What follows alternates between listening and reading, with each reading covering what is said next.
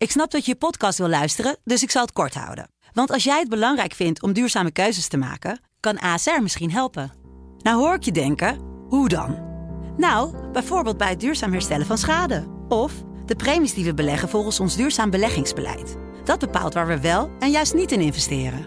Wil je meer weten over welke duurzame keuzes ASR maakt? Ga dan naar asr.nl/slash duurzame keuzes. ASR doet het. Zo, dan kan je nu lekker naar je podcast luisteren. We vertellen je in de komende twee afleveringen over het beruchte verhaal van ontvoerder Marc Dutroux. Het monster van België, dat meerdere meisjes ontvoerde en ze opsloot in zijn onvindbare kelder.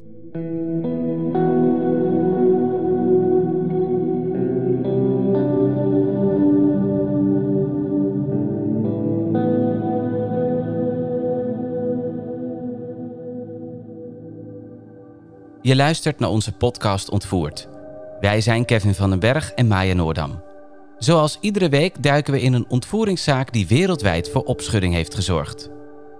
Wil je alvast een beeld krijgen bij deze ontvoering? Kijk dan op onze Instagram-pagina ontvoerd, de podcast.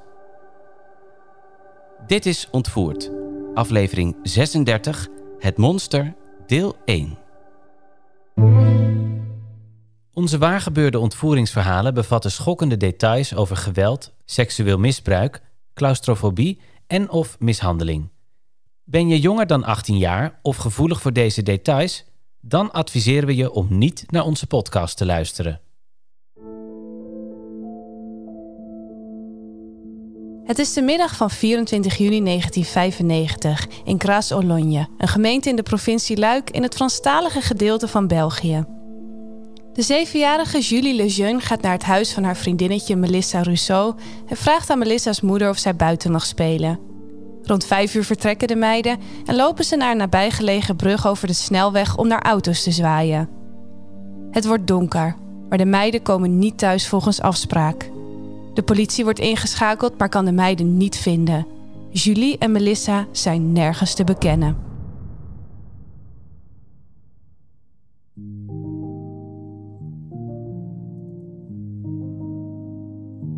Het is acht weken later, 22 augustus 1995. De Vlaamse 17-jarige Anne Marchal en de 19-jarige Eefje Lambrechts zijn met hun toneelvereniging Harlekijn op kampeervakantie in Westende aan de Belgische Noordzeekust. Het is de eerste keer dat de vriendinnen zelf op vakantie gaan zonder ouders. Anne's vader Paul had getwijfeld of ze wel mocht gaan, maar Anne had gezegd: Pap, ik ben bijna 18. Ook Ans moeder Betty zei tegen haar man dat ze hun dochter toch een keer moesten laten gaan. Op een avond willen hun vrienden naar een show van de Nederlandse hypnotiseur Rasti Rostelli in Blankenbergen. Anne en Eefje zitten wat krap bij kas en besluiten om niet mee te gaan. Achteraf vertellen hun vrienden zo enthousiast over de show dat Anne en Eefje ervoor kiezen om de volgende avond alsnog te gaan. Hier worden zij zelfs op het podium gevraagd en gefilmd door iemand in het publiek terwijl ze onder hypnose worden gebracht. Na afloop lopen ze een beetje verdwaasd de show uit. Mede hierdoor missen ze de laatste tram terug naar Westende.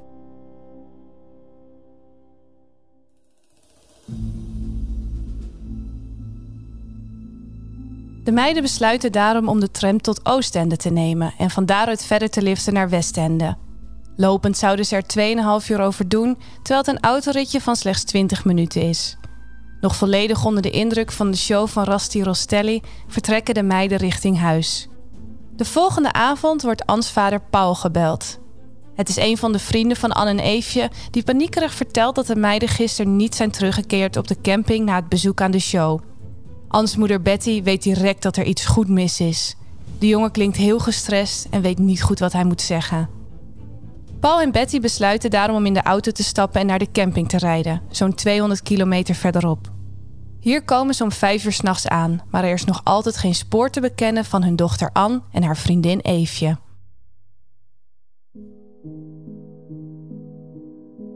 Paul en Betty snellen direct naar het politiebureau om de meiden als vermist op te geven.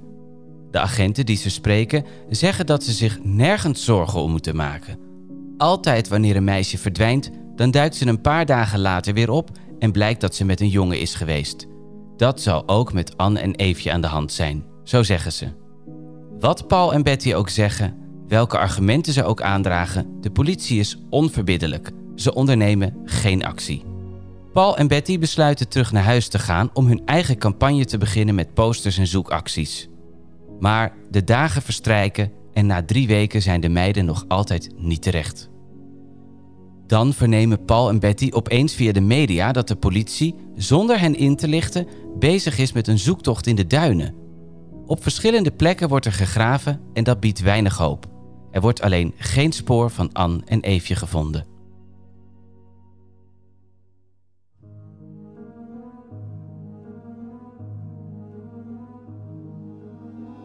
Ondertussen heeft de Waalse Claude al een paar keer contact opgenomen met de politie. Zijn buurman vertoont vreemd gedrag. Hij gluurt naar kleine kinderen en was een paar weken eerder druk bezig met het graven onder een watertank in zijn tuin, waar hij naar eigen zeggen kinderen kon verbergen. Ook vertelt Thiraud aan de politie dat zijn buurman hem geld had geboden voor de ontvoering van kinderen. 150.000 Belgische frank, ruim 3700 euro voor twee meisjes om precies te zijn. Ook stelde hij hem eerder voor om Bruno T. en diens vrouw om het leven te brengen tegen een betaling van 50.000 frank, oftewel 1240 euro. Na zijn verklaring vinden er kleine huiszoekingen plaats in het huis van zijn buurman. Er worden geen aanwijzingen gevonden voor het opsluiten van kinderen en daar laat de politie het dan ook bij. De naam van Thiro's buurman? Dat is Marc-Paul Alain Dutroux.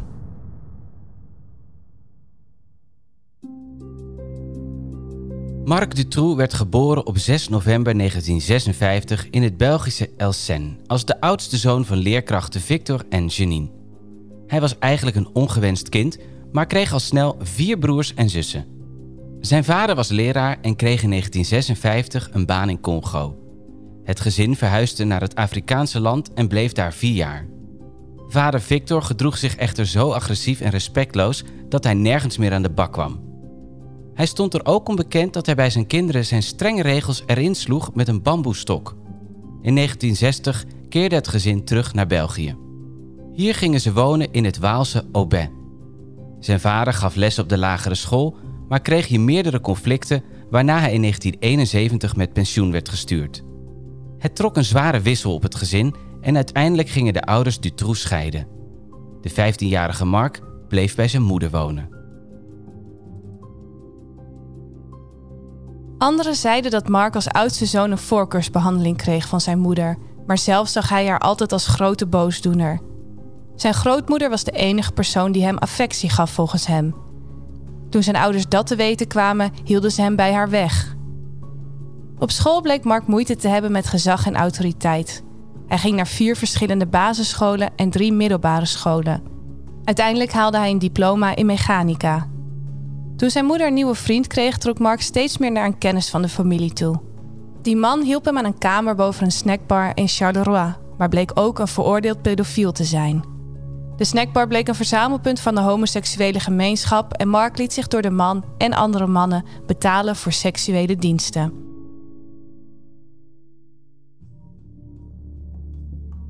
Marc Dutroux had verschillende baantjes, maar nergens was hij erg gemotiveerd. Vanaf 1980 ontving hij een werkloosheidsuitkering die hij al snel aanvulde met kleine klusjes, handel in auto's en auto-onderdelen en diefstal. Dutroux leerde zijn eerste vrouw, Françoise Dubois, kennen op de schaatsbaan van La Louvière. Op dat moment was hij 21 en zij 16 jaar oud. De twee trouwden in 1976, gingen samenwonen in Aix-Saint-Pierre en kregen samen twee zoons. Maar zodra Dubois zwanger raakte, veranderde Dutroux in een jaloerse en opvliegende echtgenoot. Hij was steeds vaker weg van huis en was dan te vinden op de schaatsbaan of in een discotheek waar hij jonge meisjes verleidde. Het bleek dat Dutroux een voorkeur had voor tieners tussen de 13 en 16 jaar. In 1981 leerde Dutroux Michel Martin kennen, die zijn vaste minnares werd. Een jaar later biechtte hij haar bestaan op aan zijn vrouw Françoise Dubois, in de hoop dat de drie, samen met zijn twee zoons, een gezin konden vormen. Dubois weigerde echter en weer een jaar later verliet zij Dutroux. Ook een andere, gelijktijdige relatie van Dutroux liep in 1983 op de klippen. Hij ging daarna samenwonen met Michel Martin in het Waalse Goudreau. Martin werd al snel zwanger en de twee kregen uiteindelijk drie kinderen. Tijdens elke zwangerschap zocht Dutroux meteen het gezelschap op van andere vrouwen. Hij was bovendien zeer gewelddadig en had Martin in zijn greep. Al snel betrok Dutroux zijn vriendin Michelle Martin bij zijn criminele activiteiten. Tijdens een van hun diefstallen liepen ze tegen een oude kennis van Dutroux aan. Patrice Charbonnier was postbode en wist precies alle alleenstaande ouderen in de buurt te wonen. Samen besloten ze om deze mensen te beroven.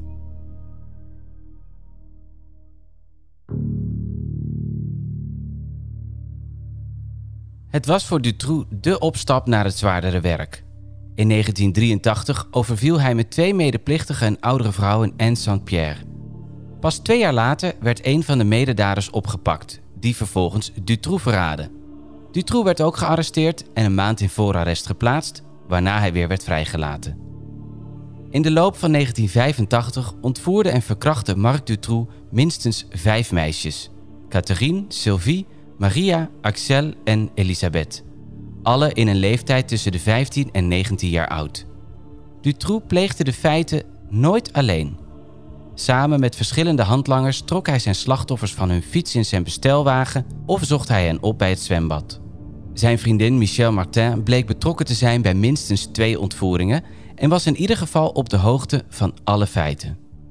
Doordat Dutroux en een van zijn handlangers, Jean van Petergem, tijdens de ontvoeringen uitvoerig over zichzelf vertelden aan hun slachtoffers, konden ze nadien makkelijk worden geïdentificeerd.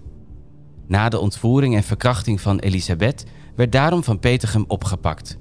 Hij bekende al snel ook andere feiten en vertelde de politie dat ook Dutroux en Martin betrokken waren. Dutroux en Martin werden in 1986 in hechtenis genomen in de gevangenis van Jamillou. Hier trouwden ze, nog altijd opgesloten, in 1988. Een jaar later volgde de veroordeling van Dutroux en Martin. Dutroux kreeg een gevangenisstraf van 10 jaar en zijn echtgenote een straf van 5 jaar. Dutroux werd bovendien veroordeeld tot drie jaar gevangenisstraf voor de overval uit 1983 en kreeg nog zes maanden gevangenisstraf voor verschillende kleinere diefstallen. In 1992 werden Dutroux en Martin vervroegd vrijgelaten. Hierna duurde het niet lang voordat Marc Dutroux weer in zijn oude gewoonte verviel. Eind 1992 betastte hij opnieuw een 14-jarig meisje op een ijsbaan. De politie besefte niet wie Dutroux was en hij ontsnapte aan gerechtelijke stappen.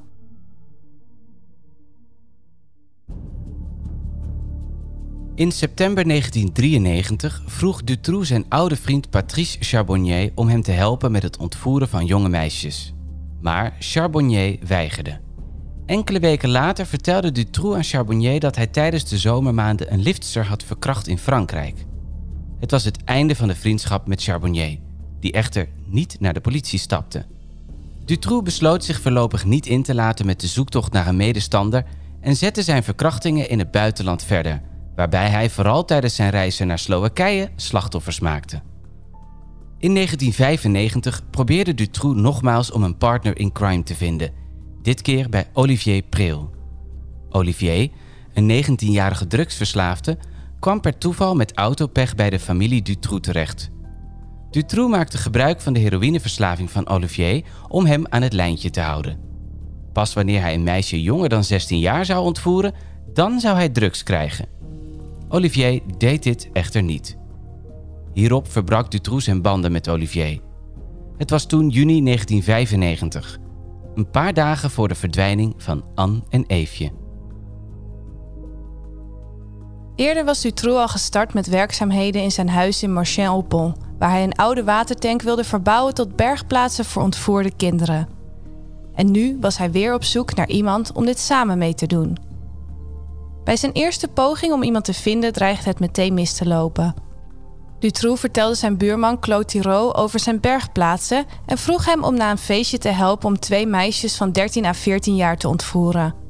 Maar Thiraud weigerde en vertelde, zoals we weten, zijn verhaal kort daarna aan de politie.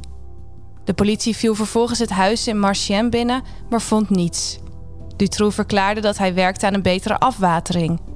Gewaarschuwd door de inval startte Dutroux met vergelijkbare werkzaamheden in zijn huis in Marcinelle.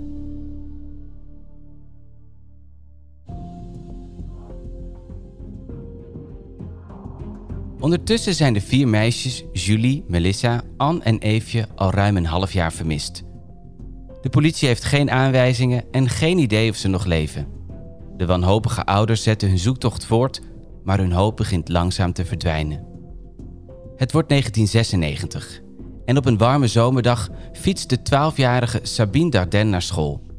Ze zit op haar nieuwe felgroene Viking Dunlop fiets, een cadeau van haar peetoom. Haar schooltas bungelt op haar rug en omdat ze vandaag zwemles heeft, ligt haar rode zwemtas op haar bagagedrager. In haar schooltas zit een door haar moeder ondertekend rapport met daarop een dikke onvoldoende voor wiskunde, een vak waar ze niets van snapt.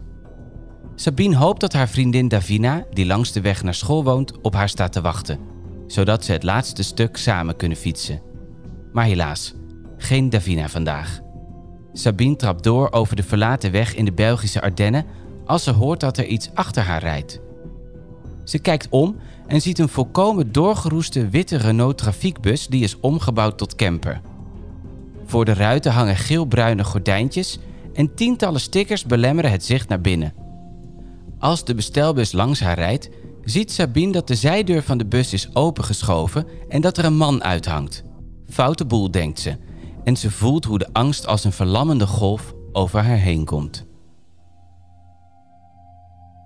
Ze zet zich schrap als ze voelt hoe twee handen haar vastgrijpen en haar met een grote zwaai van haar fiets trekken. Sabine is klein voor haar 12 jaar. Met haar 33 kilo en 1,45 meter zeker geen partij voor de kerel die haar in zijn handen heeft. Hij rolt haar in een vieze deken en propt vier pillen in haar mond. Ze spuugt ze uit en kijkt dan voor het eerst in de gitzwarte ogen van haar ontvoerder. Het lijkt alsof er geen leven in zit. De man heeft vet, plat haar alsof er frituurvet in zit en een snor. Het is Marc Dutroux, samen met zijn handlanger Michel Lelièvre. Als de bus stopt, schreeuwt Dutroux naar Lelièvre: Schiet op en pak die fiets! Sabine's fiets klettert naast haar neer, samen met haar zwemtas. Dutroux duwt Sabine in het busje. Het lukt haar om de eerste lading pillen die ze in haar mond krijgt uit te spugen, maar daarna lost haar ontvoerder er stiekem twee op in cola die ze opdrinkt omdat ze dorst heeft. De drugs maken haar slaperig, maar ze is bang om te slapen. Als de bus na twee uur rijden stopt, beveelt Dutroux haar in een vieze kleine koffer te kruipen. Ze weigert, maar hij en Lelièvre duwen haar met geweld erin. Ze wordt uit de bus een huis ingedragen. Hij trekt haar uit de koffer, maar Lelièvre is inmiddels verdwenen. Sabine is alleen met Marc Dutroux. Ben je benieuwd naar de ervaringen van Sabine gedurende haar ontvoering door Marc Dutroux? Op Storytel vind je het luisterboek Ik was 12 en fietste naar school, waarin Sabine je meeneemt in haar ongelofelijke verhaal. Normaal gesproken krijg je van Storytel al twee weken gratis. Maar als luisteraar van Ontvoerd mag je 30 dagen gratis gebruik maken van alle e-books en luisterboeken. Je vindt er true crime verhalen, maar ook heerlijke romans om bij weg te dromen. Ik luister bijvoorbeeld graag naar thrillers tijdens het koken en wandelen of lees mooie oorlogsverhalen voor het slapen gaan. En ik zet tijdens lange ritten in de auto graag spannende, waargebeurde verhalen op. Ga naar story.tel slash ontvoerd om jouw gratis 30 dagen te claimen. Je vindt de link ook in onze show notes.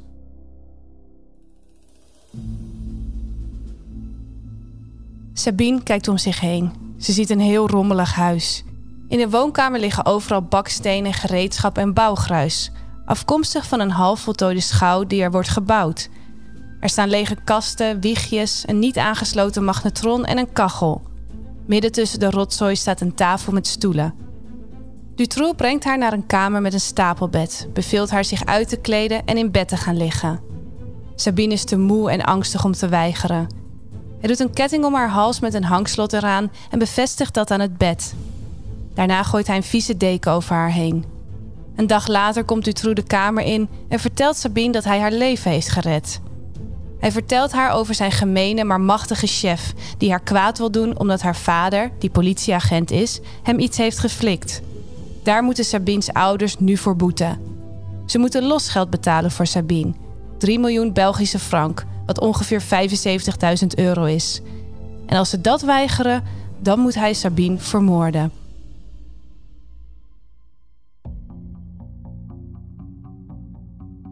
Op de tweede dag begint Dutroux zich aan Sabine te vergrijpen. Ze snapt niet waarom een man die zegt dat hij haar redder is, vieze en onbegrijpelijke dingen met haar doet. Zowel fysiek als psychisch wordt ze gemanipuleerd. Terwijl de hele wereld koortsachtig op zoek is naar Sabine Dardenne en duizenden posters worden opgehangen, maakt Dutroux haar in haar isolement wijs dat haar ouders het losgeld niet willen betalen en dat ook de autoriteiten weigeren te helpen haar leven te redden. Later vertelt hij haar dat ook haar ouders haar spullen al in kartonnen dozen hebben gestopt en haar zijn vergeten. Sabine mag kiezen. De chef wil haar dood hebben. Wat wil ze zelf? Sabine zegt dat ze wil leven. In dat geval zal ik je verbergen, zegt Dutroux. Ik zal zeggen dat je dood bent, maar je blijft in leven en ik zal voor je zorgen. Dan kun je niet hierboven blijven. De chef kan hier elk moment binnenlopen. Dit is het hoofdkwartier. Ga maar mee. Beneden is een verstopplek. De kinderkerker van Dutroux zit achter een met conserveblikken gevuld rek verstopt. Daarachter bevindt zich een geheime betonnen deur. De loodzware deur geeft toegang tot een smerige grafkelder van bijna een meter breed en ruim drie meter lang. Het is een vochtig, vies hok waarin op een latte bodem een half vergaan matras ligt met een paar gore doeken erop. Dutroux zegt dat hij het hok speciaal voor haar heeft gebouwd en geverfd. Aan het plafond heeft hij een kleine ventilator bevestigd die voor verse lucht moet zorgen. Sabine mag niet schreeuwen of andere geluiden maken. De chef kan altijd op ieder moment het huis binnenkomen. Dan sluit Dutroux de 200 kilo wegende betonnen deur achter zich. Sabine zit opgesloten.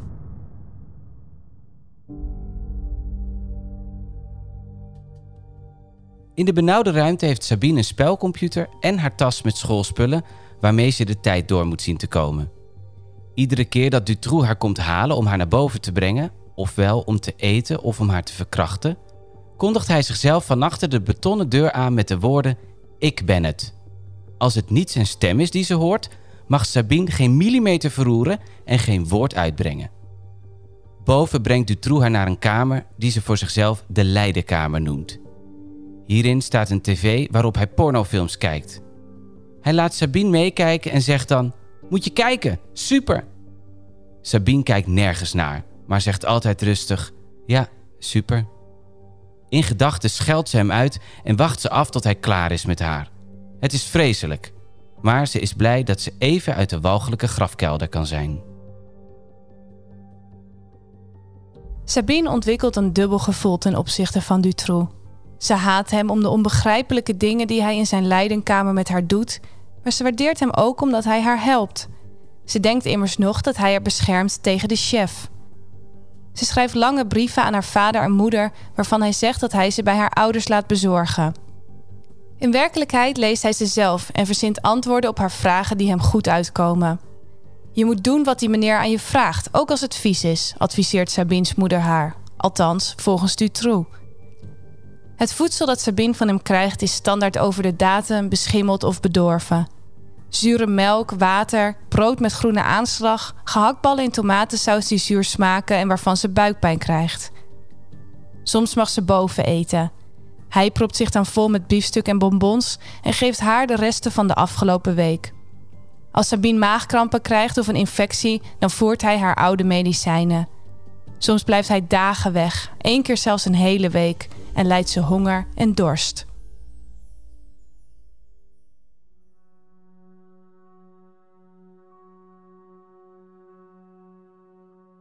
Het ergste voor Sabine is de verveling. Ze zit dag in dag uit opgesloten in een hok waar geen licht binnenkomt en waar ze zich nauwelijks kan bewegen. Sabine verzint allerlei mentale spelletjes met zichzelf om de dagen of nachten, ze heeft geen idee of het dag of nacht is, door te komen. Ik wil een vriendinnetje, eist ze op een gegeven moment van Dutroux, die ze in haar brieven aan haar ouders de man die op me past noemt. Tot haar eigen verbazing wordt ze op haar wenken bediend. Niet lang nadat ze om een vriendinnetje heeft gevraagd, komt Dutroux inderdaad thuis met een meisje. Volgende week vertellen we je meer over het meisje dat Dutroux naar huis brengt voor Sabine en hoe dit vreselijke verhaal afloopt. Ook ontdek je wat er is gebeurd met Julie, Melissa, Anne en Eefje. Wil je een beeld krijgen bij deze zaak? Kijk dan op onze Instagram-pagina ontvoert de podcast. Tot volgende week.